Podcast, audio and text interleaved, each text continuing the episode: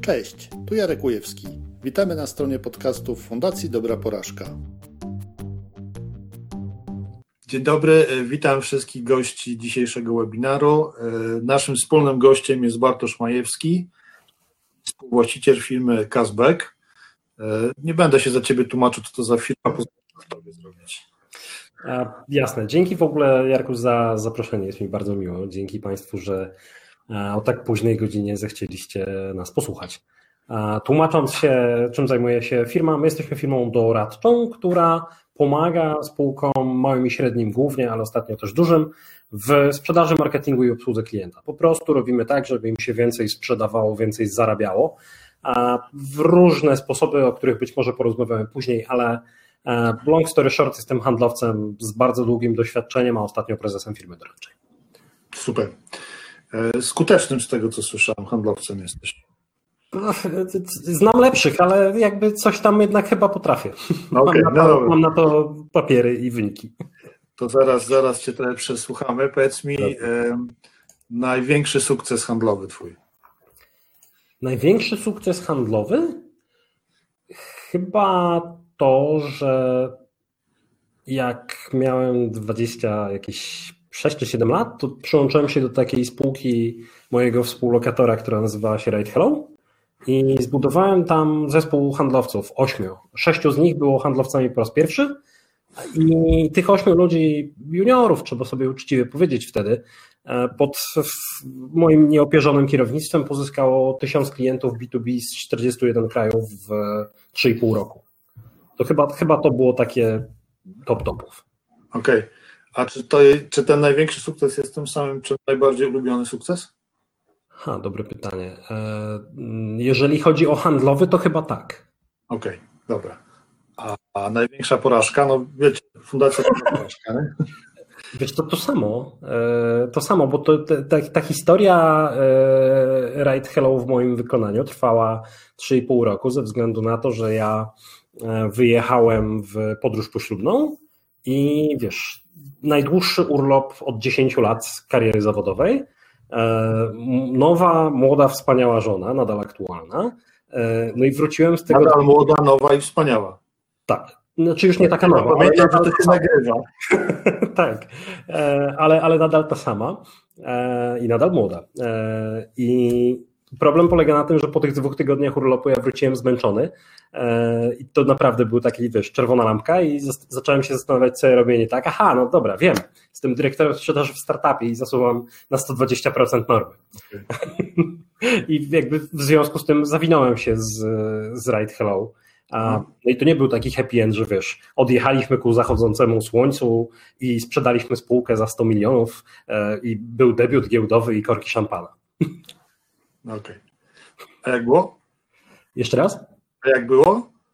Jak było? E, wiesz to spółka e, po prostu radziła sobie coraz gorzej, coraz gorzej, coraz gorzej, coraz gorzej, no i w końcu chyba sobie ostatecznie nie poradziła, albo jest na skraju nieporadzenia sobie e, absolutnie. No ale do pewnego stopnia było fajnie i szybko rośliśmy. To ja się pochwalę moim pierwszym sukcesem handlowym. Tam byliśmy z, z kolegami w Zakopanem i tam były, to wiecie, to dawno, dawno temu było, nie? I tam były e, osłony na łyżwy. Takie, że się na ostrza łyżew zakładało, można było chodzić po betonie, a w Gdańsku tego nie było. No i myśmy, i jakieś tanie strasznie były, powiedzmy, że kosztowały, nie wiem, no dzisiaj jeszcze powiedzmy kosztowały 10 zł, nie? No to stwierdziliśmy, że jak tam kupimy za 10 zł, przyjedziemy do Gdańska, to tu spokojnie po 20 zł kupimy, staniemy pod halą Oliwią, to takie największe mhm. 100% przebicia. Mhm. Kolega do dzisiaj jeszcze ma parę sztuk. Taki handel żeśmy zrobili. Ale pomysł bardzo dobry. Taniej kupię, drożej sprzedam, to jest skuteczna tak. strategia. Tylko jakoś, wiesz, nikt, nikt wtedy nie pomyślał, żeby się spytać o to, czy w ogóle jest popyt na takie produkty. No tak, Ale dobra. sprzedać. Dobrze, słuchajcie, e, zaglądam na te e, tematy, które mi podesłałeś, o których chciałbyś e, opowiadać. Cała seria, tego, cała seria spotkań, którego dzisiejszy jest częścią, e, dotyczy tego, co, w jaki sposób możemy działać e, w sytuacji, kiedy mamy epidemię koronawirusa, to tak dla przyszłych pokoleń mówię. No i trzeba jakoś zarabiać pieniądze, czy to pracując na etacie, a jeżeli straciliśmy ten etat, to żeby odzyskać pracę, czy znaleźć jakąś inną pracę, albo być może rozpocząć jakąś działalność, o czym też dzisiaj będziemy chcieli porozmawiać. Zrobić coś z tym biznesem, który mieliśmy do tej pory, ale który w tych dzisiejszych czasach się nie do końca sprawdził. Tylko że w zeszłym tygodniu głosiliśmy Weronikę Iwanowską, nie wiem czy Weronikę, znowu się pomyliłem, Wiktorię Iwanowską, przepraszam, w, która przestawiła biznes turystyczny na biznes wspierający, wspierający rodziców, którzy pracują z domu, tworząc zajęcia dla dzieci, tak, takie zdalne. Mhm. E, natomiast bardzo odważną, moim zdaniem, ale za chwilę może udowodnić, że wcale nie jest taka odważna, tylko zachowawcza tezę postawiłeś, albo inaczej pytanie, jak postawić biznes na nowe tory, gdy straciłeś na przykład 40%? A wiesz co, jakby nie znam tego case'u, o którym, o którym mówiłeś wcześniej. E, on brzmi naprawdę imponująco, bo to taki gruby zwrot. E, tak. Na grupa docelowa, inna usługa i tak dalej.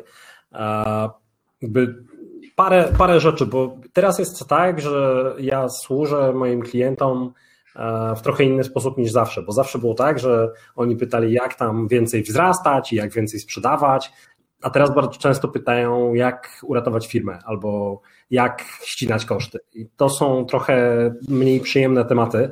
I niestety, jak się traci tych 40% przychodów albo jakąś porównywalną dużą liczbę, no to niestety trzeba zacząć od rzeczy trochę mało przyjemnych. To znaczy, trzeba sobie odpowiedzieć na pytanie, na ile mamy forsy, żeby tak potrwać dalej.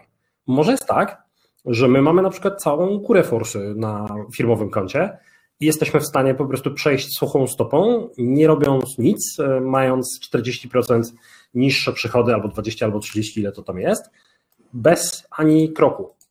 Mam trochę takich klientów, którzy po prostu podjęli takie decyzje. Mamy sporo forsy, bardzo nam zależy na utrzymaniu obecnego zespołu, nie robimy nic. To jest pierwszy patent. On jest pewnie mało dostępny dla zdecydowanej mhm. większości z nas, ale nadal jest na stole. Drugi patent.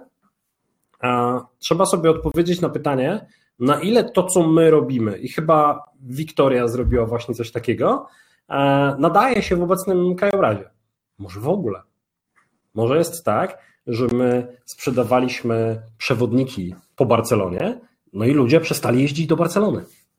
Przynajmniej jeżeli one były tłumaczone na polski. I wtedy to, że my jesteśmy w e-commerce, i przecież e-commerce rośnie, no bo wszyscy siedzą w domach i robią zakupy, też nam nie pomoże, no bo mało kto kupuje te przewodniki. Więc pierwsza rzecz, jak straciłeś 40% przychodów, to zastanów się, czy to, co robisz, nadal jest komuś potrzebne.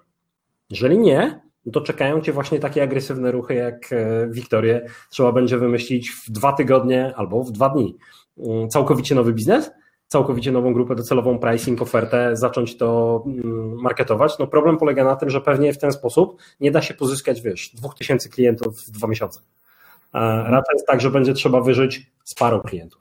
I to, to jest rozwiązanie dostępne dla małej firmy, ale jeżeli masz firmę, która ma 200 osób i taka sytuacja wystąpiła, no to kurde, podejrzewam, że będzie bardzo, bardzo, bardzo ciężko. I drugi patent, bardzo już prostszy, jeżeli masz coś, co jest rzeczywiście potrzebne, no to wtedy zastanów się tylko, czy zgadzają ci się ceny, czy twoi handlowcy potrafią sprzedawać w trudnym otoczeniu i czy nadal masz konwersacje z klientami. Jak masz te rzeczy, to po prostu wrzuć przysłowiową dwójkę i zacznij bardzo, bardzo, bardzo ciężko pracować, Y, bo może się okazać, że po prostu większą ilością pracy, co jest patologiczną radą w długim terminie, ale w krótkim bardzo pożyteczną, e, jesteś w stanie przetrwać tą sytuację, bo to nie jest tak, że to będzie trwało z nami, wiesz, 18 miesięcy. Nawet jeżeli ten kryzys będzie głęboki, to nadal on, będzie trudna sytuacja gospodarcza, ale nie będzie tak trudna, jak dla niektórych był marzec. Mhm. Od tego bym chyba zaczął. Dobra. A możesz podać przykład jakiejś firmy, która wykonała któryś z tych ruchów e, i dobrze na tym wyszła? A, wiesz co, mogę podać przykład swojej firmy, bo mam, mam po prostu takie klauzule poufności, że A, moja, moja otwartość na, na anegdoty jest siłą rzeczy ograniczona. E, więc my, my mieliśmy trochę podobną sytuację, ponieważ w marcu wypowiedzenia umów złożyło 21% naszych klientów, część z własnej inicjatywy, a część z naszej inicjatywy, bo po prostu jak siedliśmy z nimi do ich e, Exceli z kosztami, to po prostu my sami siebie wycięliśmy. Mhm. E, jako jakby część ratowania jakby tej firmy. I teraz jakby problem w związku z tym polega na tym, że no hej, 21% przychodów e, spada, właściwie chyba nawet trochę więcej, bo u nas klienci nie zawsze są warci tyle samo. E, no i okazało się, że gdzieś musimy znaleźć te pieniądze, bo jeżeli zachowamy wyrwę w, mm, w przychodach na tym samym poziomie, to według pewnych projekcji, które sobie zrobiliśmy, bardzo konserwatywnych, wystarczy nam gotówki na jakieś 6 miesięcy.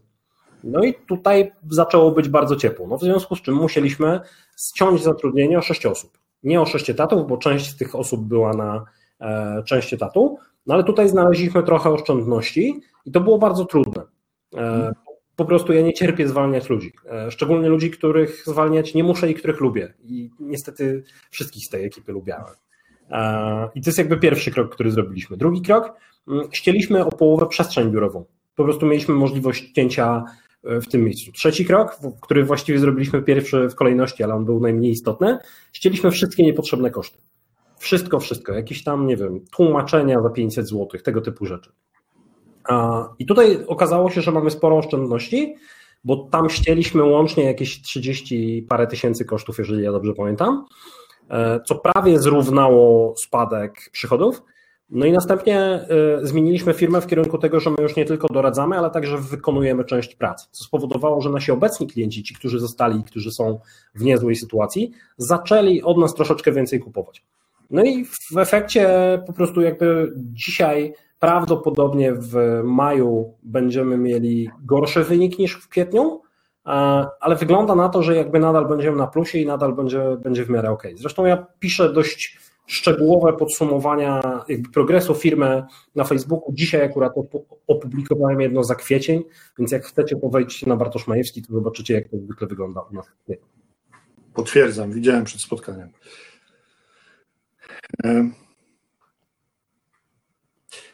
A propos tego stawiania firmy na nowe tory, to tak prawie każdego, z którym rozmawiam, podpytuję, jakie ty widzisz obszary działania, branże, może zawody, które w dzisiejszych czasach mogą, mogą być po prostu na tyle atrakcyjne, na tyle potrzebne ludziom, że, że będą z nich chętnie korzystać, będą chętnie płacić za te usługi, za te wartości. Mhm.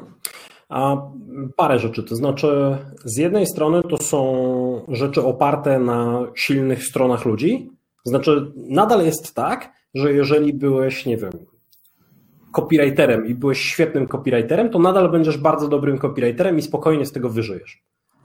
Jakby to jest jakby pierwsza rzecz, więc cały numer polega na tym, żeby nie być średnim w tym, co robisz.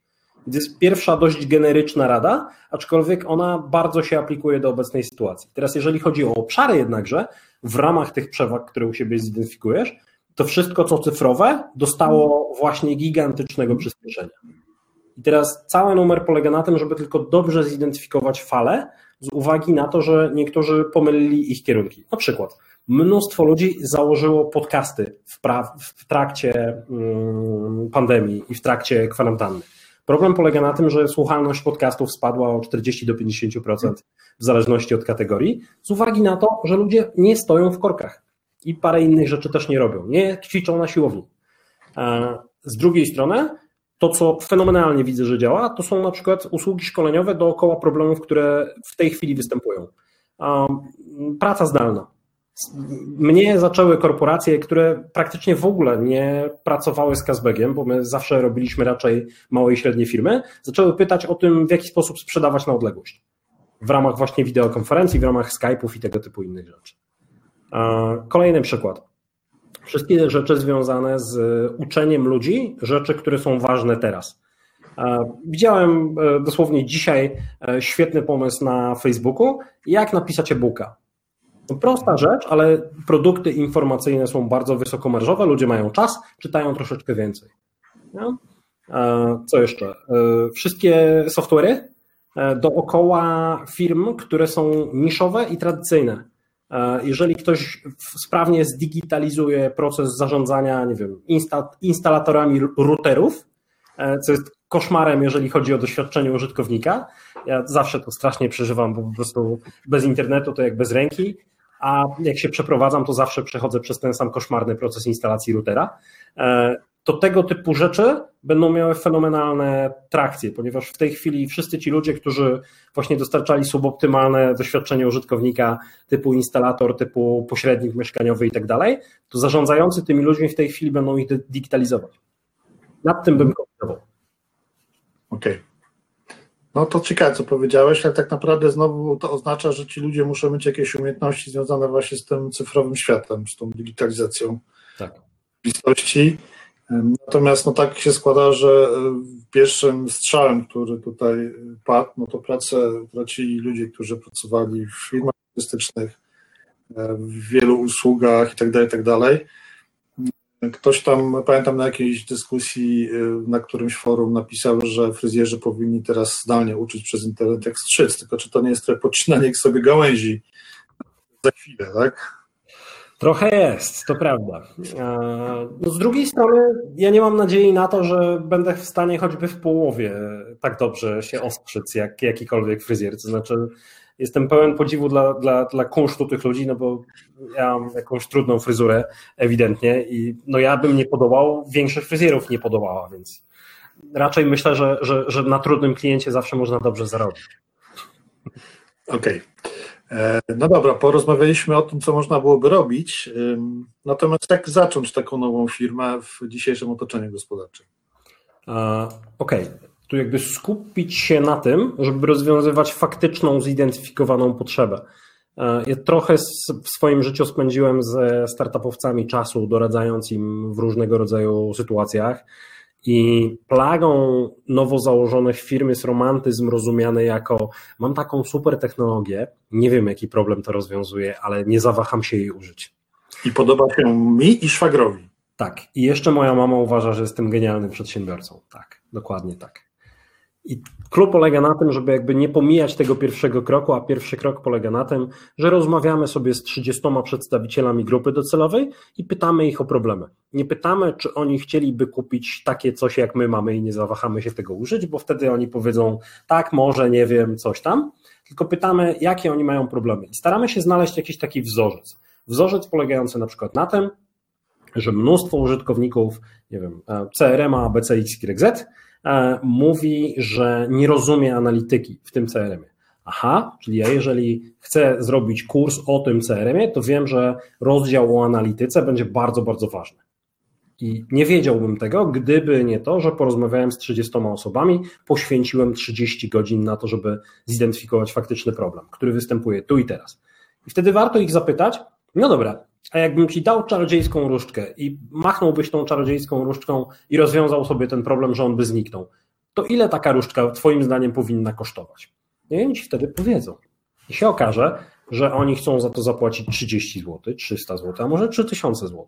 I jak chcą zapłacić 3000 zł, to warto powiedzieć tym ludziom: Dobra, mój drogi, to ja mam dla ciebie taką różdżkę, tylko w tej chwili mam ją w cenie nie 3000, tylko 2, i ona jest dostępna dla ciebie pod warunkiem, że zapłacisz za nią z góry i poczekasz na dostawę miesiąc. Mhm. Jeżeli dostaniemy trzy zamówienia po 2000, to mamy 6000 zł i miesiąc na to, żeby zrobić ten produkt. To jest całkiem dobry patent na to, jak zacząć. Problem polega na tym, jeżeli oni wszyscy powiedzą 29 zł, a potem nikt nie kupi. No to wtedy mhm.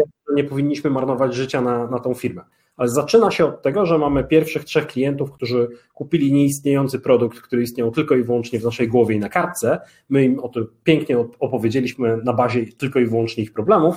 I dzięki temu mamy pierwszych trzech klientów i możemy opowiedzieć, jak oni mieli sukces. Mamy trzy pierwsze testymoniale, jeżeli zrobiliśmy ten produkt dobrze, a jeżeli nie zrobiliśmy tego produktu dobrze, to możemy im powiedzieć, kochani, nie zrobiliśmy tego produktu dobrze, mamy wrażenie, że skasowaliśmy was bez sensu, oto pieniądze z powrotem jeśli jeszcze je mamy.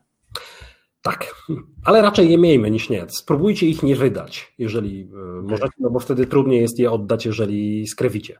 Ale z drugiej strony jest taka taktyka, wiesz, spalenia statków za sobą. Okej. Okay. E, wiesz co, e, to co powiedziałeś, to dokładnie pokrywa się z moim doświadczeniem. Ja też dosyć regularnie współpracuję ze startupami. Pamiętam kiedyś taką historię, którą chciałem podkreślić pewną rzecz, o której powiedziałeś, ale to sami odgadnijcie o co chodzi. E, że zgłosił się do mnie właśnie taka ekipa, która robiła ciekawe rozwiązanie dotyczące notabene zdalnej rekrutacji. E, I co, co ciekawe, żadna z osób, która tam pracowała, nie miała nic wspólnego z rekrutacją, poza tym, że brała parę razy udział. Nie?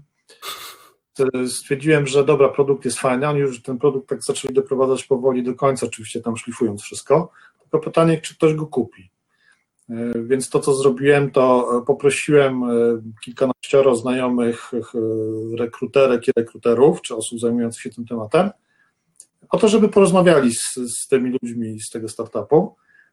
Zastrzegając od razu, że to nie jest żadna rozmowa sprzedażowa, tylko właśnie mają się podpytać o to, z czym się borykają w rekrutacjach, jakie mają problemy, co im zajmuje najwięcej czasu, co ich najwięcej kosztuje, co im przeszkadza na przykład, albo co mogłoby im pomóc. Taką listę pytań żeśmy wcześniej sobie z tym uzgodnili przy też takim zastrzeżeniu, że nie mają się jej trzymać na sztywno, mhm coś ciekawego po drodze, to mają zadawać jeszcze dodatkowe pytania. Nie? E, a jeżeli, a efekt był tego taki, że zawsze pod koniec rozmowy, jak się pytali ci, ci moi ludzie, e, tych e, rekruterów czy rekruterek, mm, czy oni mają jakieś pytania, to oni się pytali o ten produkt. No więc była okazja jakby krótko powiedzieć na temat tego produktu. Oczywiście też wykorzystując tą informację zwrotną, która podkreśla, że to, to załatwi ten produkt, to, to i to. Mhm. Fajniejsze ze trzy osoby, rok później, jak już nie miałem kontaktu z tym startupem, niestety z innych powodów niż, y, że tak powiem, wartość biznesowa nie, nie, nie dożył, bo tak też czasami się zdarza, e, pytali się po prostu, czy ten produkt już jest na rynku, bo oni są nim zainteresowani. Także warto, warto po prostu rozmawiać i prowadzić nawet takie rozmowy rozpoznawcze, niekoniecznie na siłę sprzedażowe, tylko co, co jest ciekawe też, właśnie ci ludzie, ci, ci znajomi, jak z nimi później gdzieś przy jakiejś okazji towarzyskiej rozmawiałem, mówili, że to dla nich też była okazja do tego, żeby sobie przemyśleć, co oni tak naprawdę mają za problemy i zaczęli się sami rozglądać w tym momencie za rozwiązaniami tych problemów.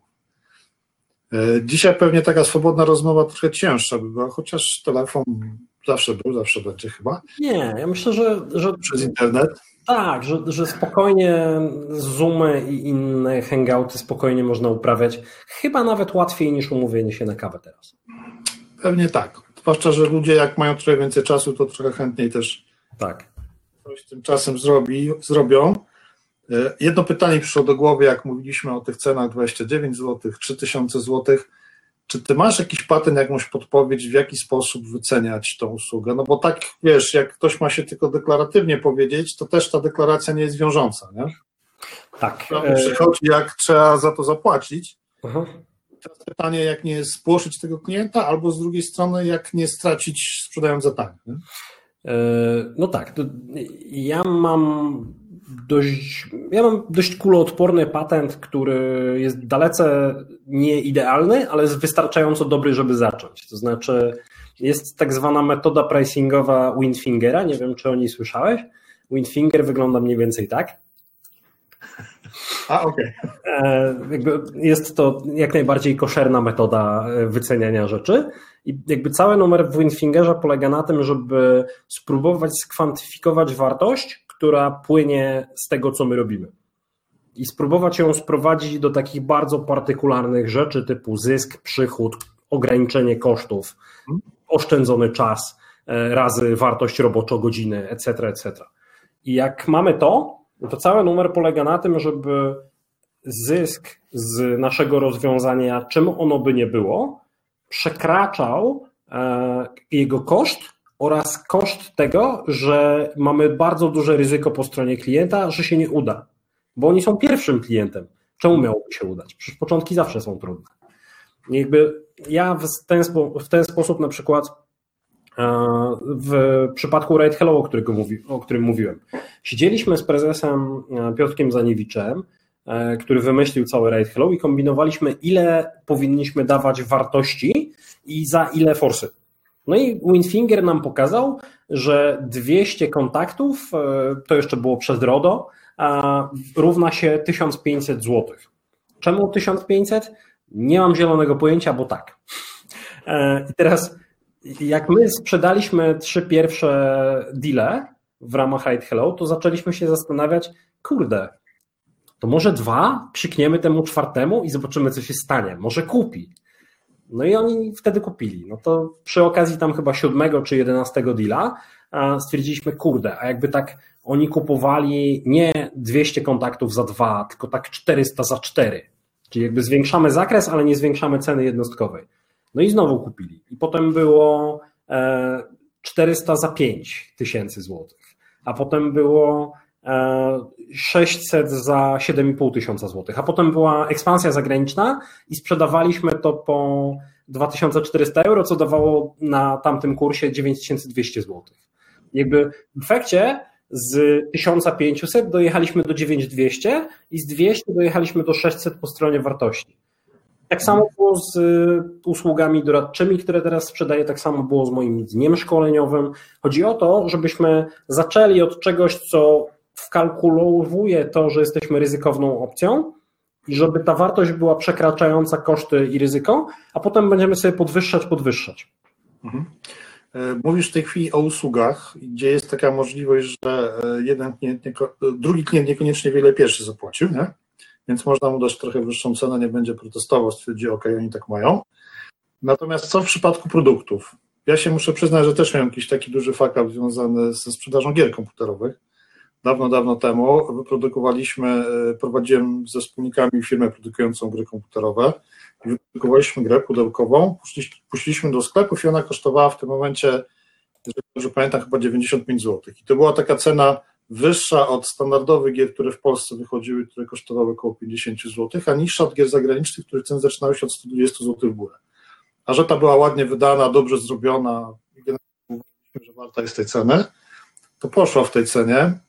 Natomiast bardzo szybko dostaliśmy strzał od dystrybutorów, od, od sklepów. To, to, ta sprzedaż wtedy trainerze wyglądała, że to jest za duża cena, że ludzie po prostu już wolą dopłacić te 20 zł kupić zagraniczną grę, no i co wtedy? No wtedy trzeba było tą cenę obniżyć, no bo jak sprzedaż nie szła, no to co zrobić? No, na szczęście produkt miał dosyć dużo marży na sobie, pod warunkiem, że odpowiednia ilość się sprzedała. Tak. Zeszliśmy z tej 95 ceny do ceny 49 zł, czy tam 59, no jakoś w tych granicach.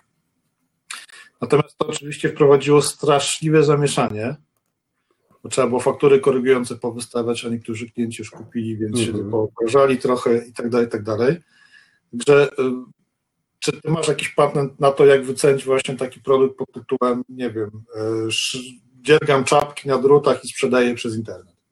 Tak, jak najbardziej. E, jeszcze wrócę do, do jednego zdania na temat usług. Wiesz, w ramach tego patentu e, jest bardzo ważne, żeby jak testujesz tą cenę, to żeby ludzie, którzy kupili, przyjmijmy 1 maja drożej jako pierwsi, byli też żeby wszyscy po nich też kupowali drożej jako następni.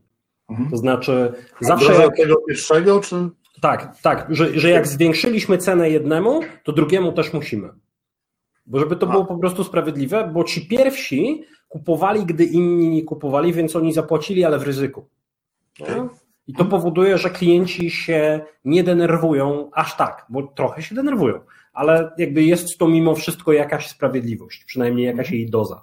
Jeżeli chodzi o ten wątek produktowy, z produktami e, to też jest dość podobnie. To znaczy, e, oczywiście case, który ty opisujesz, jest szczególnie trudny, bo jeżeli masz pośredników, którzy też mają swoje marże i też mają swoich interesariuszy do zadbania, no to tutaj nie ma łatwo. I prawdopodobnie trzeba zrobić tak, jak ty mówisz, to znaczy tak, jak ty zrobiłeś, e, noty korygujące albo jakiś kredyt kupiecki na następny zakup, ale w przypadku gier komputerowych to pewnie nie jest takie proste, bo nie wypuszczasz nowej gry co trzy tygodnie, e, delikatnie mówiąc.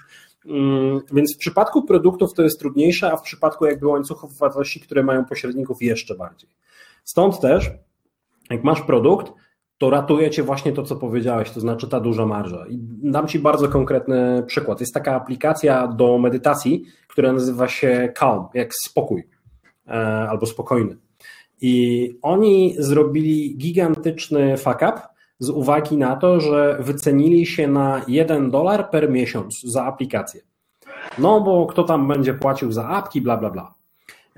I jeden z ich inwestorów, jeden z pierwszych był Jason Calacanis i Calacanis był całkiem fanem gościem z Nowego Jorku, bo zadał im takie pytanie, no dobra, to jak wasi klienci zrezygnują, ale nie chcą zrezygnować z medytacji, tylko po prostu chcą medytować, ale z czymś innym jako wsparciem, to jakie mają opcje? No i oni się tak podrapali w głowę i stwierdzili, no mogą sobie wynająć takiego coacha medytacyjnego. Tak, a ile taki coach bierze za godzinę? No 100 dolarów. Czyli alternatywa jest 100 razy droższa niż to, co wy sprzedajecie, tak? No dobra, to spróbujcie zwiększyć pricing do 10 dolarów i zobaczymy, co się stanie. Wiesz, co się stało? Nic. E, tylko po prostu ludzie płacili 10 razy więcej, bo to i tak było w relacji do wartości super. Analogicznie było z Evernote'em. E, wszystko w launchu Evernote'a było zapięte na ostatni guzik, ale zapomnieli o pricingu, więc prezes Evernote'a wymyślał pricing Evernote'a e, na parę godzin przed lunchem o tam chyba drugiej w nocy. I oni płacili tam, e, użytkownik płacił 4,99 dolara za miesiąc. I tak było przez chyba 36 miesięcy. I oni podwoili pricing i nic się nie stało. Ze względu na to, że wartość była we właściwym miejscu. I stąd, jak masz produkt, to po prostu musisz e, testować pricing w taki sposób, żeby na przykład zrobić przedsprzedaż, która jest w obniżonej cenie i następnie zrobić pełną cenę. Na przykład teraz trwa przedsprzedaż u Michała Szafrańskiego, jego nowego produktu społeczności finansowych Ninja. I robił, robi to moim zdaniem pricingowo bardzo sprawnie, bo, bo zapowiedział, jaka będzie cena za pół roku, za rok i za półtorej. I teraz jest przeceniona i jest dodatkowa wartość w postaci dwóch e-booków. Więc jakby teraz prawdopodobnie wygeneruje całkiem sporą sprzedaż, a potem ta sprzedaż będzie nadal pewnie dość znaczna, ale dużo bardziej marżowa. No, więc tak bym kombinował kombinowałbym na przedsprzedaży i, i, i osi ceny kontra wartość. Okej, okay, tylko nie wiem, czy Michał też już w tej przedsprzedaży przedstawia tą cenę, która będzie, jak się ta przedsprzedaż zakończy? Tak. Okej, okay, czyli już tak. coś tam więcej jeszcze pokazuje. No dobra, no. E, patrzę, czy są tu jakieś pytania.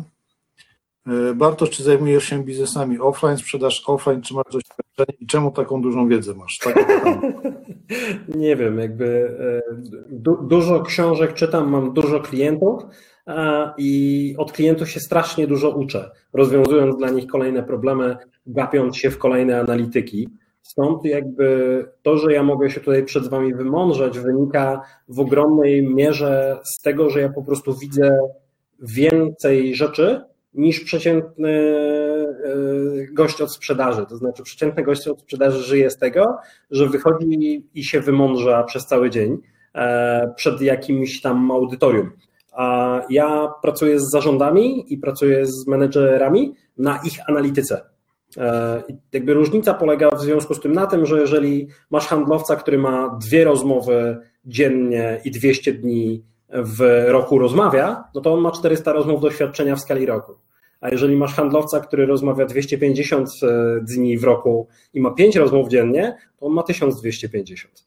I jakby my mniej więcej zbudowaliśmy firmę dookoła tej krzywej uczenia się, e, którą ci właśnie w, uproszczeniu e, opisałem. Więc jakby z tego to wynika, że ja mam dość dużo w głowie, że po prostu dużo tam ładuję. Dużo bardzo praktycznych rzeczy. A wracając do Twojego poprzedniego pytania, połowa naszych klientów to są biznesy stricte offline'owe. Firma sprzątająca, firma, która handluje narzędziami, tego typu rzeczy. Jak firma sprzątająca, z czego dzisiaj żyje? E, um, wiesz co, to był strasznie trudny case, e, mhm. firma sprzątająca. Jeżeli możesz powiedzieć, bo nie chcę potem wycinać. Jasne, w, w pewnej ogólności mogę i, i, nie będę mówił akurat o tej, z którą pracujemy. E, możecie sobie zajrzeć do case study na stronie Kazbega, bo ono wisi. E, tylko jakby opiszę pewną darmową konsultację, którą miałem z inną firmą sprzątającą, bo zrobiliśmy taką akcję z moim wspólnikiem charytatywnej pomocy doradczej. E, i tam udzieliliśmy 70 konsultacji za fryty. No i w każdym razie e, napisał do mnie dawny znajomy, który odziedziczył po rodzicach firmę sprzątającą. No i tenże znajomy miał gigantyczny problem, no bo nie ma ludzi w biurach, mało jest do sprzątania. E, I okazało się, że on nie dostrzegał tego, że ma bardzo konkretne aktywo pod, pod tytułem panie i panów, który, którzy potrafią sprzątać, które są w stanie alokować do publiczności, która szuka sprzątaczek. I okazuje się, że jest naprawdę niemało ludzi, która nadal wpuszcza sprzątaczki i sprzątaczy do swoich domów i szukają tego na e, portalach różnego rodzaju e, tam OLX-ach i innych tego typu miejscach. Trzeba było po prostu aplikować e, tą populację do tamtej populacji i przestawić się zbiór na B2C, a poza tym usprawnić parę patentów typu tego, żeby na przykład w aptece było sprzątanie trzy razy dziennie. E, bo nagle się okazuje, że popyt w niektórych miejscach bardzo fragmentarycznych, typu apteka, skokowo wzrósł, bo oni sprzątali w aptekach raz na trzy dni, a teraz będą sprzątać trzy razy dziennie.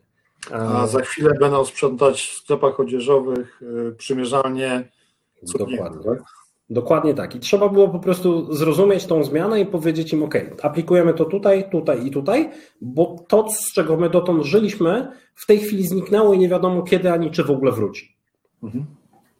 Ciekawe to, co powiedziałeś, y, bardzo bliskie jest temu, o czym Wiktoria opowiadała, bo ona z kolei miała firmę turystyczną, która między innymi organizowała też eventy dla przedsiębiorstw, tak? takie tam wyjazdy firmowe e, połączone z jakimiś szkoleniami. No i też, e, też miała wśród swoich, swoich grona współpracowników e, osoby typu animatorzy dla dzieci i tak dalej. Tak po prostu się przekształcili z tego kanału online na offline. Nie, odwrotnie, z offline. No, tak. Czyli teraz, teraz zamiast zabawiać dzieci nad basenem, zabawiają dzieci y, przed ekranem komputera. Tak? Dokładnie. Czyli warto zobaczyć, y, w jaki sposób te zasoby, które mamy w tej chwili, które stosujemy do, do jakiegoś jednego działania, jak można byłoby je zaangażować, y, korzystając z ich umiejętności, z ich wiedzy, do, do, do innego rodzaju działania, tak, które dzisiaj może mieć większą wartość. Dokładnie tak, jakby 100%. Mądre w takim razie, co Wiktoria zrobiła. Muszę poznać lepiej ten case. E, zapraszam Ciebie i wszystkich do nagrania, które jest na stronie dobraporażka.pl. E, Wiktoria dosyć fajnie, znaczy dosyć, dosyć szczegółowo chciałem powiedzieć, opisała tą historię, bo opowiadała o niej w mediach już wiele razy. E, myślę, że jeszcze parę rzeczy, których nie opowiadała wcześniej, wyciągnąłem z niej.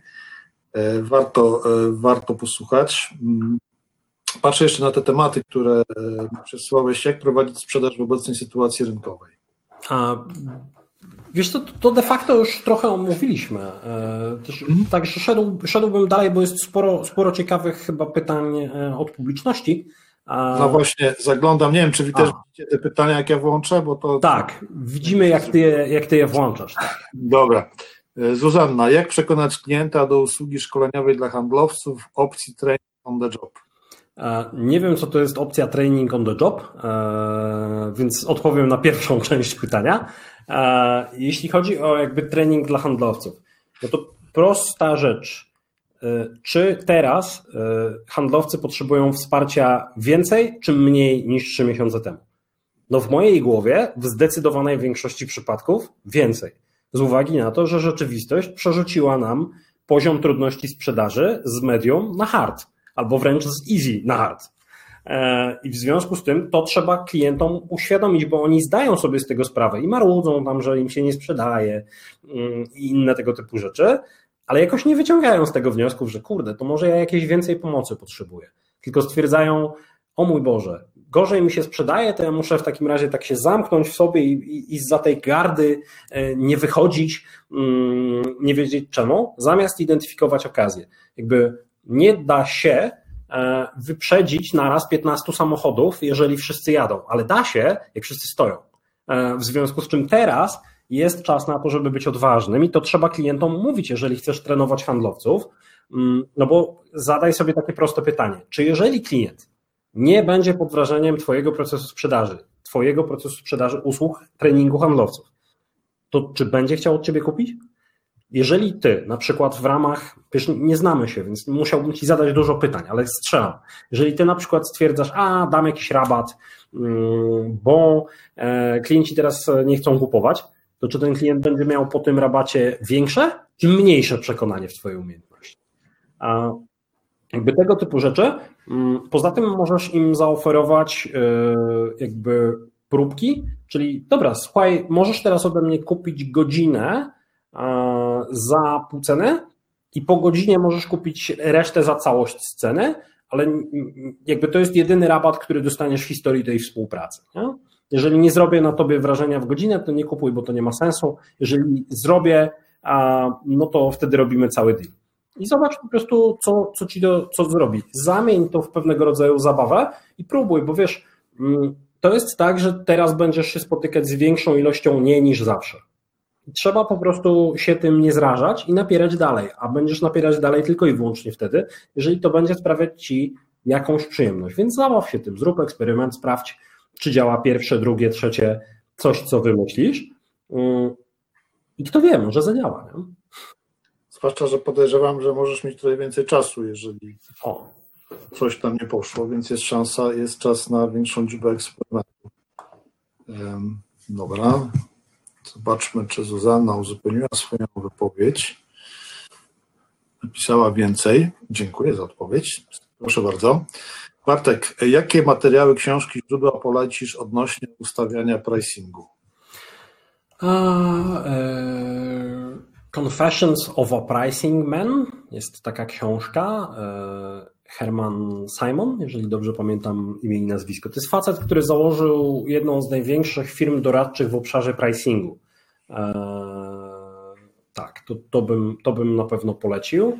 Blog Price Intelligently to jest taka firma też zajmująca się pricingiem. Można by powiedzieć, że w wersji 2.0 do, do tego, co robi ten gość od książki. E, to bym chyba, no to, to by były takie dwie pierwsze rzeczy. E, jest jeszcze Maciek Wilczyński z Wrocławia, który jest jakby mega, mega mózgiem. On pracuje w mm, jednej z dużych firm konsultingowych, ale dzieli się w swoich mediach społecznościowych e, sporą ilością wątków a propos pricingu. Często też z nim rozmawiam na ten temat, mm, więc odsyłam do, do, do Maćka Wilczyńskiego. Więc tych materiałów jest sporo. Pricing jest jakby fajną dźwignią do optymalizowania w zakresie zyskowności przedsiębiorstwa. Raczej pricingiem nie będziecie wygrywać przychodów ale zyskowność jak najbardziej. No? Okej, okay. dzięki. Super.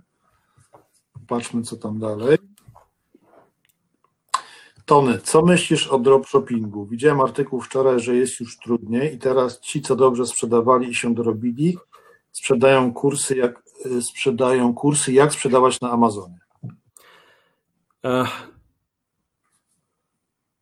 Ja nie jestem ekspertem od e, dropshippingu, ale jakby skoro prosisz mnie o opinię, to się nie zawaham. E, weź ją tylko cudzysłów. Powiedz tylko jeszcze, co to jest ten dropshipping, bo ja nie. A, okej. Okay. E, to jest sytuacja, Jarku, w której ty masz sklep internetowy, ale nie chcesz uczynić kluczowej kompetencji z logistyki. Czyli okay. na przykład delegujesz do mnie to, żebym ja pakował twoje paczki, i na przykład sorsował towary i tak dalej, i tak dalej. Jakby clue polega w mojej opinii na tym, że dropshipping jak najbardziej ma dalej sens. Problem polega na tym, że jeżeli chcesz być jakby e-commerce'em, który jest e, w sposób sensowny, marżowy. I nie chodzi o procent, tylko o łączny wolumen przepływu marży, czyli jest z czego żyć, z czego reinwestować i tak dalej, no to musisz wymyślić, co to są Twoje przewagi konkurencyjne i na czym Ty się będziesz koncentrował. No i generalnie nie będziesz się koncentrował prawdopodobnie na tym, że będziesz się wyrównać, wyróżniać towarem, z uwagi na to, że Twoja koszulka będzie mniej więcej podobna do wszystkich innych koszulek. Oczywiście możesz mieć fenomenalny wzór, jakiś design i tak dalej. Aczkolwiek prawdopodobnie e, ktoś za chwilę ten design w jakiś sposób skopiuje i już nie będziesz się wyróżniał.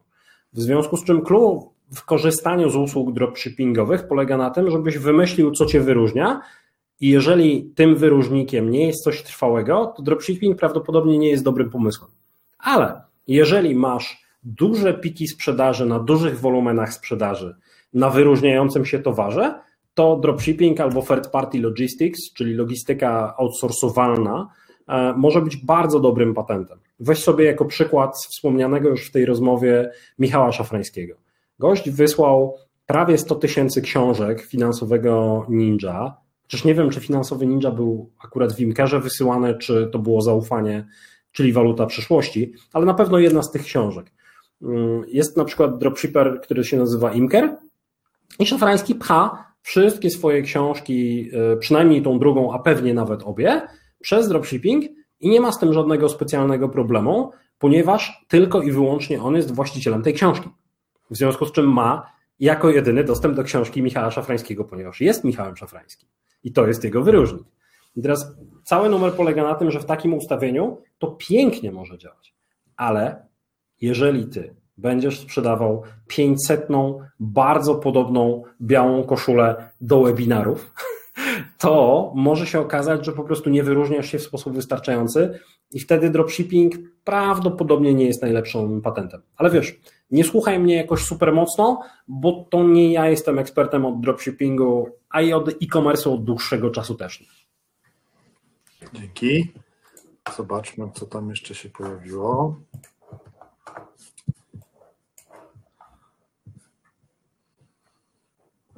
E, czyli najważniejsze właśnie to, żeby mieć własny produkt. Ok. Dobra. Nie musi być własny, ale musi dawać wartość klientowi, wiesz? Dobra. Ja skorzystam jeszcze z tych pytań, które się pojawiły wcześniej przy rejestracji. Jak prowadzić biznes związany z usługami doradczo-szkoleniowymi w dobie pandemii? Nie wiem, czy na ten temat już trochę nie odpowiedzieliśmy. Trochę. Ja może dopowiem. A, jakby, a co tam? Wyhoduję sobie trochę konkurencji. a, jakby pierwsza rzecz, postaw na zdalność. E, nie musi być to zdalność rozumiana jako zdecentralizowanie całkowicie, w rozumieniu wszyscy pracujemy z domu i w szlafroku, ale zdalność z użyciem wideokonferencji, telefonu, e, Google Hangouta, webinaru, etc. jak najbardziej. Druga rzecz, to o czym mówiłem wcześniej, czyli co teraz stanowi istotny priorytet dla klientów. Podpowiem, prawdopodobnie dla większości klientów nie jest to w tej chwili employer branding. Być może również nie e, zmiana identyfikacji wizualnej albo nowe logo.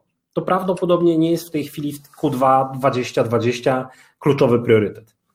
E, to jest dwa. Trzy. E, zastanów się, dla kogo ty pracujesz w kontekście tych usług doradczo-szkoleniowych. Jeżeli na przykład doradzasz w tej chwili restauracjom albo doradzasz w tej chwili turystyce, to to może być albo najgorszy czas w Twoim życiu, albo najlepszy czas w Twoim życiu, bo Twoi klienci bardzo potrzebują w tej chwili pomocy. Pytanie, czy Ty jesteś w stanie tą pomoc efektywnie dowieść. Kolejna rzecz. Czy klienci dysponują budżetami? Może Twój decydent w organizacji jest specjalistą do spraw HR, który musi do swojego szefa biegać po wydanie każdego tysiąca złotych, bo nie ma budżetu. I w związku z tym masz klientów, którzy o niczym nie decydują. E, no i jakby wtedy jest dużo, dużo trudniej niż wtedy, gdy pracujesz dla zarządów, którzy mają władzę do tego, żeby podejmować decyzje zakupowe. No. Zastanawiałbym się nad tego typu rzeczami, ale jeżeli pracujesz dla właściwej branży, masz właściwą wartość, która teraz nadal jest wartościowa, potrafisz dowieść to zdalnie i decydent, któremu to sprzedajesz w środku tej firmy, ma władzę do tego, żeby kupić, to sobie raczej poradzisz. Super.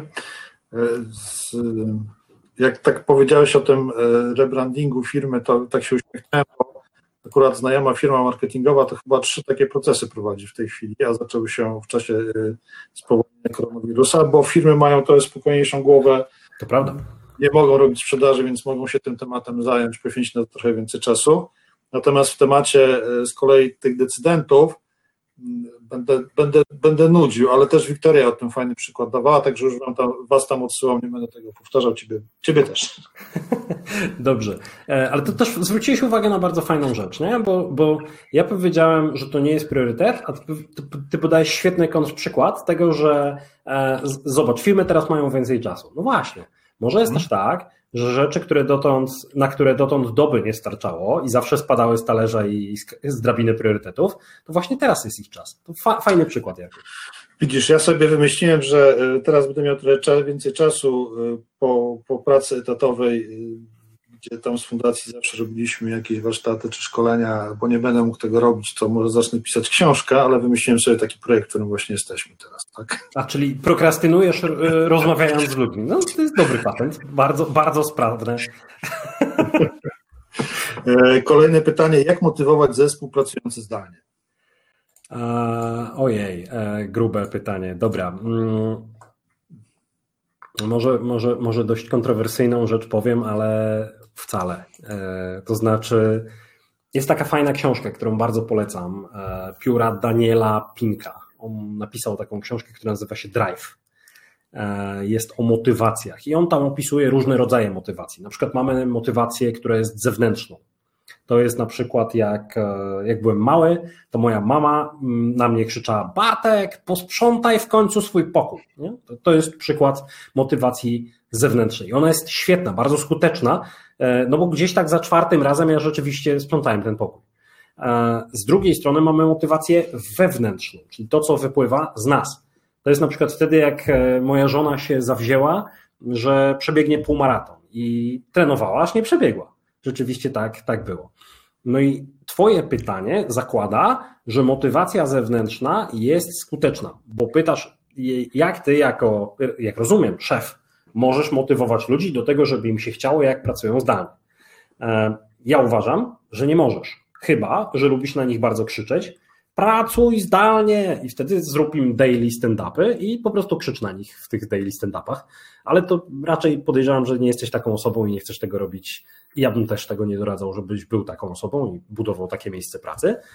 Albo możesz na przykład stwierdzić, że będziesz ich przekupywać tym, że jak oni coś zrobią, to dostaną 100 albo 1000 złotych premii.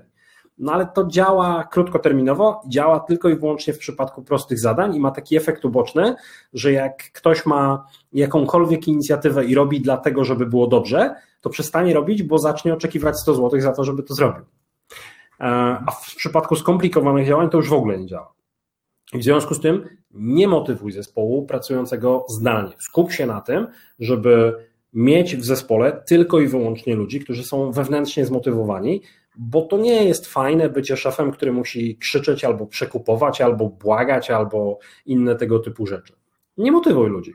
Po prostu bądź yy, konsekwentny w postawie, czy konsekwentna e, w postawie jako szef i oczekuj robienia rzeczy nie dlatego, że się opłaca albo dlatego, że e, cokolwiek, tylko dlatego, że my w tej firmie robimy dobrą robotę i tak wygląda dobrze postawiona poprzeczka, a jeżeli się komuś to nie podoba, to być może powinien znaleźć sobie przyszłość w trochę innej firmie. Bo tutaj jest mhm. poprzeczka tutaj, a nie tu. I to jest twarde, co mówię i szorstkie, wiem, ale sorry. Ale to, to znowu nie jest jakaś odmiana motywacji zewnętrznej, że jak wiem, że nie dochodzę do jakiegoś pułapu, to, to, mogę, to mogą mi podziękować? Do pewnego stopnia pewnie tak, tylko raczej, raczej chodzi o to, że budujemy pewien zestaw norm i wartości i nie wypada ich e, nie trzymać. Na przykład w każdego nie wypada nie czytać. Nikt prawdopodobnie za to nie zwolni e, konsultanta Kazbega, przynajmniej dotąd się nie zdarzyło, e, ale to po prostu nie wypada. Ludzie się źle by czuli chyba. E, nie wypada na przykład, nie wiem, nie dzielić się wiedzą w naszej firmie. No? To ludzie się po prostu by poczuli nieswojo i, i, i ktoś nie przystawałby do kultury organizacyjnej. Czy to jest motywacja zewnętrzna? Może, ale z drugiej strony chyba, chyba to jest też środowisko pracy, która przyciąga pewien typ człowieka. A przyznaj się, jaką masz rotację, jeżeli chodzi o takie właśnie dobrowolne odejścia, że ktoś stwierdza, że jednak to nie jest firma dla niego? Yy, już ci mówię. Na razie yy, idę po prostu w głowie po, po wszystkich kolejnych osobach, z którymi się rozstaliśmy. Czekajcie chwilę, to musi potrwać. Yy, no, jakby nie było aż, aż tyle tych osób. Ale o czas mi chodzi, wiesz, nie o liczbę osób.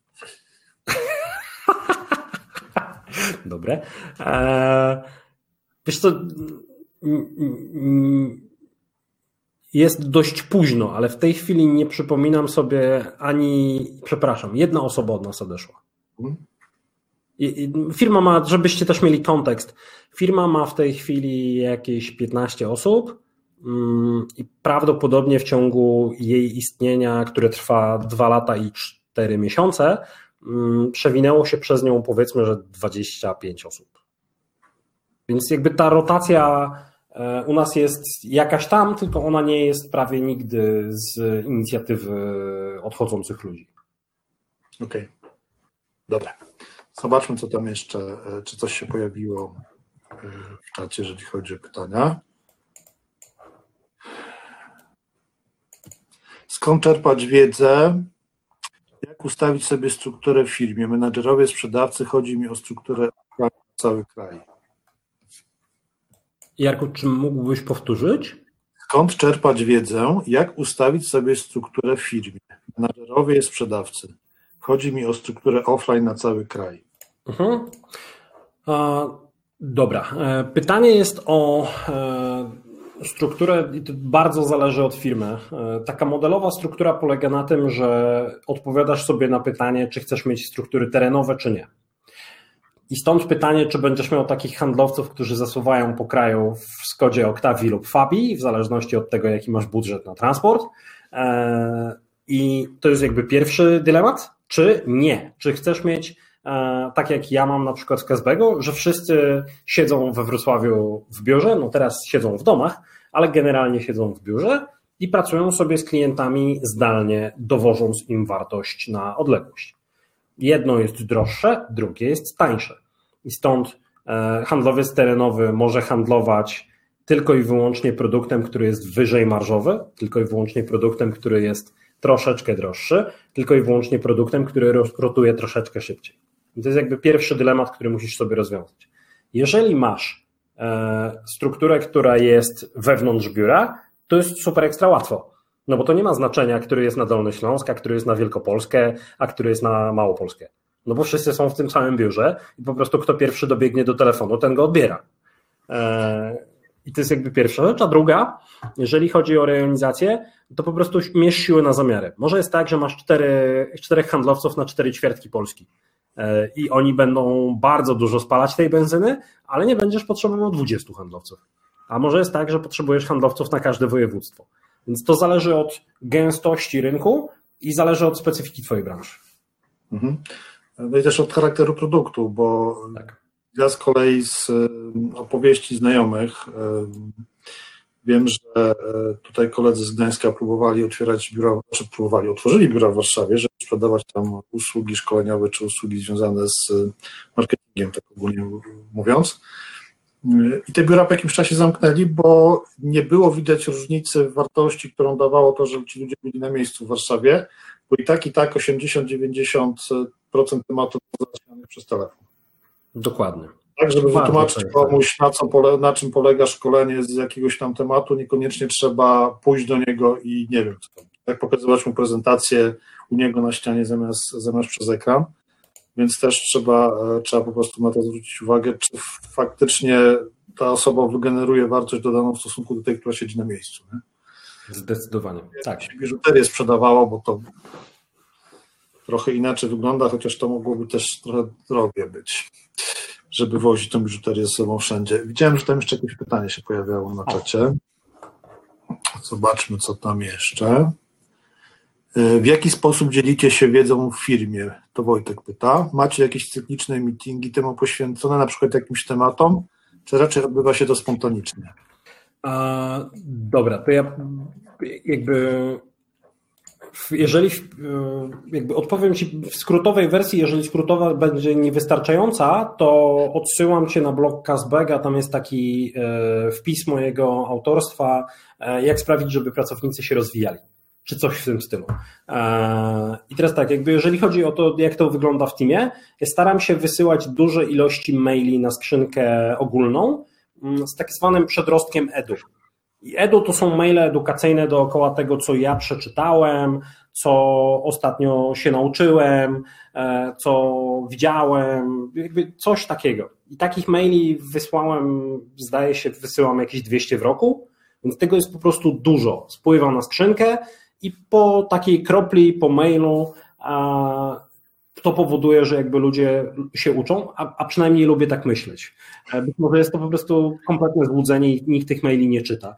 Mm, I, i nie wykluczam, że tak nawet jest, ale lubię myśleć, że jest inaczej. E, to jest pierwsza rzecz. Druga rzecz. Każdy w Kazbegu ma 500 do rozwalenia na mm, rozwój w skali roku. To jest mała kwota, Aczkolwiek w tym blogpoście wyliczam, co jesteś w stanie kupić za jakie kwoty wydanego czasu, jak i pieniędzy. I okazuje się, że za 500 zł można zrobić całkiem sporo, szczególnie jak masz na przykład 10-osobowy zespół, to to już jest 5000. 5000 zł wydane na książki w skali roku przez na przykład 5 lat, to jest 25 tysięcy w książkach, to jest gigantyczna biblioteka firmowa. Nie? Jakby okazuje się, że jeżeli kupujesz rzeczy, które się odkładają w czasie, kurs, ale który zostanie w firmie i nie zdezaktualizuje się, bo jest na temat ponadczasowy, albo książka, albo e-book, albo audiobook e, i te, tego typu rzeczy. Więc jakby zacząłbym od e, rzeczy, które są relatywnie tanie i reużywalne przez innych członków w teamie. Może niekoniecznie start e, dbania o rozwój w waszej firmie powinien polegać na tym, że sponsorujecie połowę studiów MBA albo że wydajecie na weekend w Gołębiewskim z trenerem trzydniowym. Znaczy, powiem Ci, że akurat z tym sponsorowaniem tu miałem taki case, że e, właśnie paru pracowników z jednego z moich byłych zespołów zgłosiło się do mnie po dofinansowanie mhm. studiów podyplomowych. Mhm. I ja do tej dwójki dokoptowałem jeszcze trzecią osobę. Głównie w tym celu, że te studia uczyły pewnej konkretnej umiejętności związanej z tym obszarem, w którym działaliśmy. Ja stwierdziłem, że e, pójście na te studia pozwoli mi uporządkować wiedzę i pracować zgodnie z jednym słownikiem, z jednym jakimś tam tokiem postępowania. E, a było to tańsze niż jakbyś ich tam na trzy kursy wysłał, nie? Które, które były w czasie tych studiów. E, to jest jedna rzecz, o której chciałem wspomnieć. A druga jeszcze, też taki mój tip z wcześniejszych jakichś doświadczeń korporacyjnych. E, fajnie się jeździ na konferencje, nie? Bo to zawsze jest takie wyrwanie się. Jak jest dwudniowa, to jeszcze coś tam, jakiś wieczór jest i tak dalej. E, I to jest duża wartość dla osoby, która tam pojedzie. Pytanie, co dla firmy. Więc ja zawsze, jak mogłem, no to prosiłem tych ludzi, którzy wyjeżdżali na te konferencje, żeby zrobili później y, jakąś notatkę, albo żebyśmy na przykład usiedli w większym gronie, żeby oni opowiedzieli, co ciekawego się dowiedzieli na tej konferencji. Bo konferencje nie są po to, żeby się czegoś nauczyć, zazwyczaj jest dużo rzeczy i szybko umykają, tylko żeby się czymś zainspirować, więc nawet jak rzucili hasło pod tytułem o, a w tamtej firmie, w tym obszarze rozwiązania wprowadzili, to myśmy wiedzieli, jakie słowa w Google wpisać, żeby znaleźć to rozwiązanie. Nie?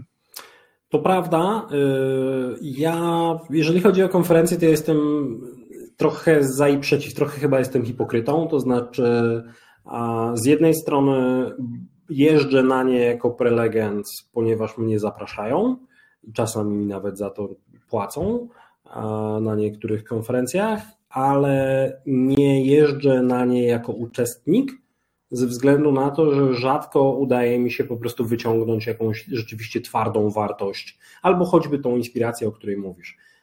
Z takich konferencji, na które jeżdżę jako uczestnik, to na pewno InfoShare, Internet Beta, e, ale to tak jak wszyscy. Na Internet Beta jeszcze nie dotarłem, aczkolwiek próbowałem kiedyś. E, warto. Jarku bardzo serdecznie polecam. Próbuj, próbuj mocniej. To jest piękne okay. miejsce i wspaniała konferencja. Też tak słyszałem. E, tutaj Wojtek jeszcze kontynuował pytanie, w jaki sposób taką kulturę e, wymiany wiedzy, uczenia się wprowadziłeś w swojej organizacji? Mm, na koniec dnia, intelektualnie rzecz biorąc, wątek kultury jest potwornie prosty.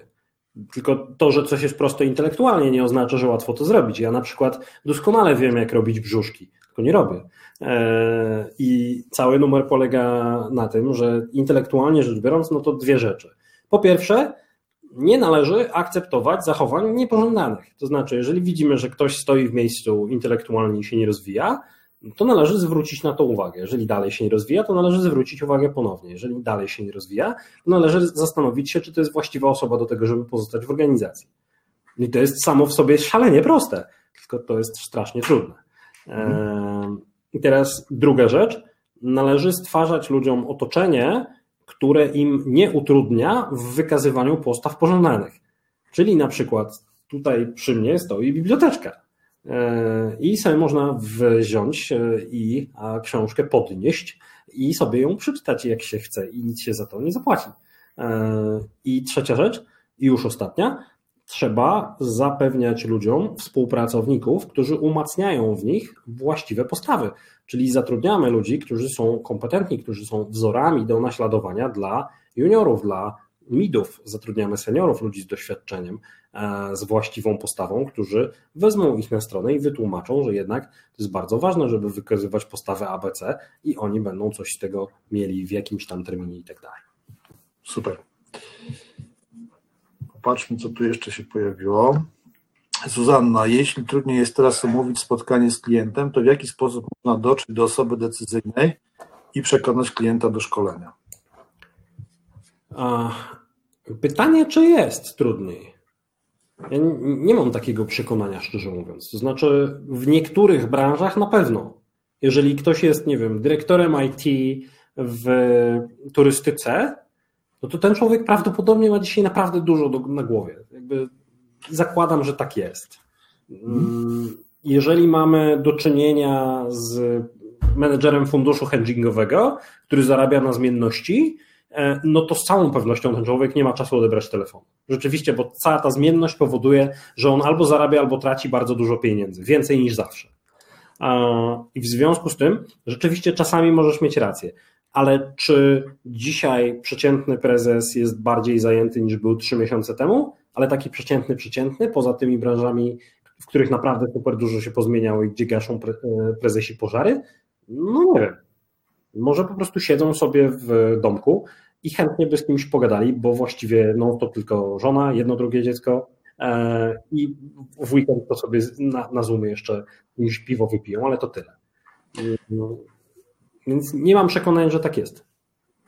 Znowu przykład tej osoby, której imienia już nie będę wymieniał po raz ty dzisiaj, która też mówiła, że na tyle dużą wartość ten produkt, który oni zaoferowali firmom miały, że HR same mówiły im, że oni nie są w stanie podjąć decyzji o tym, żeby zmienić sposób płatności, e, więc należy to omówić z prezesem i, sami ci ludzie, którzy, którzy byli tym produktem zainteresowani, szli do swojego zarządu i mówili, słuchajcie, Zapłaćmy im z góry.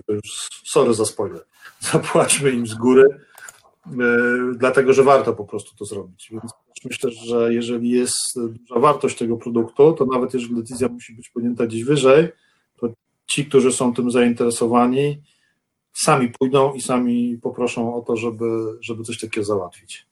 Absolutnie tak jest. I mm, wracając jakby do wątku, ja robię podobne rzeczy, to znaczy oprócz tego, że pracujemy z tymi zarządami i robimy ten marketing i tą usługę klienta, to my też szkolimy działy handlowe, tylko robimy to po prostu zdalnie. I wyobraź sobie, u nas w kwietniu cykl sprzedaży e, skrócił się o 65%. Było 32 dni, jest 11 czy tam 10.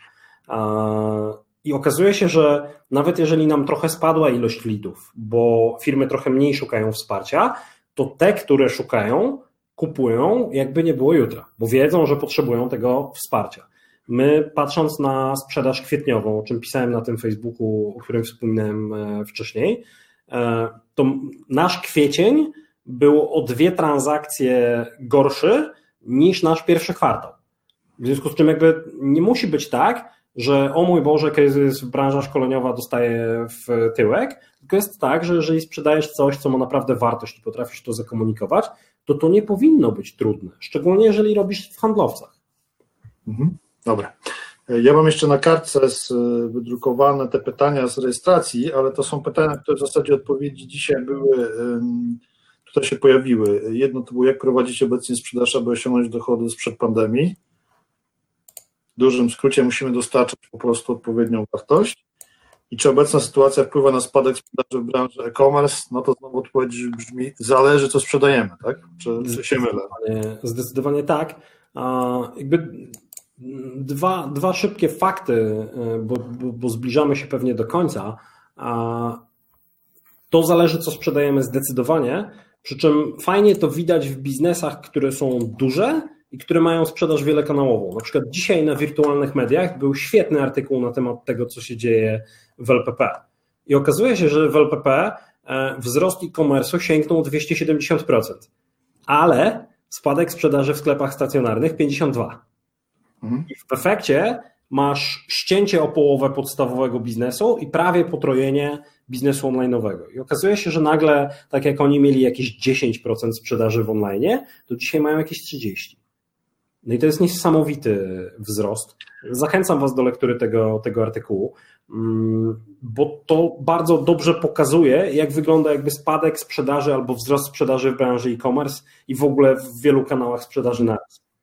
Tutaj trzeba mieć też na uwadze, że LPP naprawdę bardzo dużo kasy i bardzo dużo zaangażowania przez ostatnie kilka lat włożyła w budowanie tych kanałów elektronicznych. Dokładnie. Firma tutaj w Trójmieście się mieści, więc e, Wiem, że po prostu tam się bardzo dużo rzeczy działo, bardzo dużo rzeczy związanych z automatyzacją, chociażby pakowania, tak? Także każdy, każde pudło, które tam od nich wyjeżdża, jest szczytywane czytnikiem RFID i oni jest w środku. Nie? Poświęcili na to dużo wysiłku i to nie jest tak, że oni nagle coś z siebie wykluli, bo nie każda firma tej wielkości jest w stanie coś takiego zrobić, ale mieli już pełną podstawę do tego przygotowaną. 100%. I... Jednego ze sprzedawców online'owych komputerów y, bardzo podziwiam, jak w tej chwili działa, gdzie ja zamawiam coś w poniedziałek, a we wtorek y, mam to pod drzwiami, ale to nie jest tak, że oni to wypracowali dwa tygodnie temu. Tak, oni to mieli po prostu wcześniej zrobione, czyli jeżeli ktoś miał zdrowy biznes wcześniej, działający na zdrowych zasadach, zdrowych procesach, no to pewnie dzisiaj te rzeczy, te zasoby, które, które ma, mieli właśnie w tym obszarze, pozwalają mu równie, równie sprawnie funkcjonować. 100%, jakby podpisałbym się pod tym, co powiedziałeś. Nie, prawdopodobnie nie przestawicie biznesu w dwa tygodnie. Nie? Jakby, hmm. Chyba, że macie jakieś zasoby, które po prostu możecie realokować, tak jak e, wielokrotnie e, przywoływana już w tej rozmowie pani. E, a co do, co do jeszcze tego pytania, jak obecnie prowadzić sprzedaż, żeby osiągnąć dochody sprzed pandemii, czepię się jednej małej rzeczy. Przede wszystkim nie zakładaj, że chcesz wrócić do dochodów sprzed pandemii. To było dawno i zapomnij o tym. I załóż, że chcesz mieć dużo większą sprzedaż niż kiedykolwiek miałaś. To jest dużo bardziej inspirujący cel. Dużo bardziej będzie ci chciało bardzo, bardzo, bardzo ciężko pracować na to, żeby taki cel zrobić i będziesz musiała wymyślać dużo bardziej kreatywne sposoby na to, jak generować sprzedaż, bo jeżeli będziesz się ogniskować na pewnym suficie, który sobie wyznaczyłaś, w lutym 2020 byłam tutaj i nie chcę być wyżej, chcę być tam, gdzie byłam w lutym 2020, to to jest szalenie mało inspirujące i nie będzie ci się prawdopodobnie chciało zasuwać tak ciężko, jak będziesz musieć. W związku z czym wyznacz sobie jakiś bardzo aspiracyjny cel i spróbuj zastanowić się, ja bardzo lubię takie pytanie, jakby to mogło wyglądać, zrobienie tego celu, gdyby to miało być łatwe. I zobacz, co ci wyjdzie z tego pytania. Ciekawe. Kończymy nasze dzisiejsze spotkanie. Dziękujemy bardzo. E, w sensie chciałem powiedzieć, że przyjąłeś zaproszenie, ale tak trochę mnie sprowokowałeś do tego zaproszenia, z tego co pamiętam. Tekstem, tak. E, dziękuję, że przyjąłeś zaproszenie, że, że poświęciłeś godzinę czasu mi i naszym gościom, którzy nas słuchali, którzy Ciebie przede wszystkim odpytywali. Dziękuję, było mi bardzo miło i dziękuję e, za zaproszenie i dziękuję Państwu za uwagę. Dziękujemy za wysłuchanie naszego podcastu. Jeśli szukasz innych ciekawych materiałów, zapraszamy na stronę dobraporażka.pl.